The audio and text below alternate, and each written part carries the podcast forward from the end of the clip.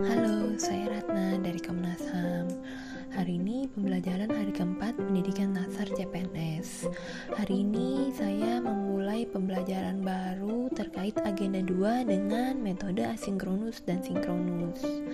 Pembelajaran sinkronus hari ini kami ditemani dengan tutor yang berbeda dari tutor pembelajaran agenda 1. Hari ini tutor menjelaskan terkait materi akuntabilitas, nasionalisme, etika publik, komitmen mutu, dan anti korupsi atau bisa disingkat dengan aneka.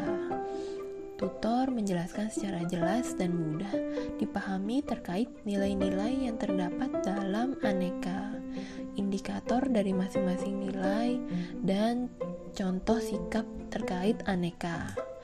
Hari ini pembelajaran diikuti dengan sangat partisipatif dari para peserta latsar. Tutor membuat pembelajaran sangat menyenangkan dan materi yang kurang dipahami dijelaskan dengan mudah oleh tutor. Tugas yang diberikan oleh tutor juga dijelaskan secara rinci sehingga mudah dipahami. Hari ini saya juga mendapatkan kesempatan terpilih menjadi ketua untuk dua tugas kelompok. Ini kesempatan pertama saya bisa menjadi ketua kelompok. Sekian pengalaman laser saya hari ini. Salam sehat untuk kita semua. Terima kasih.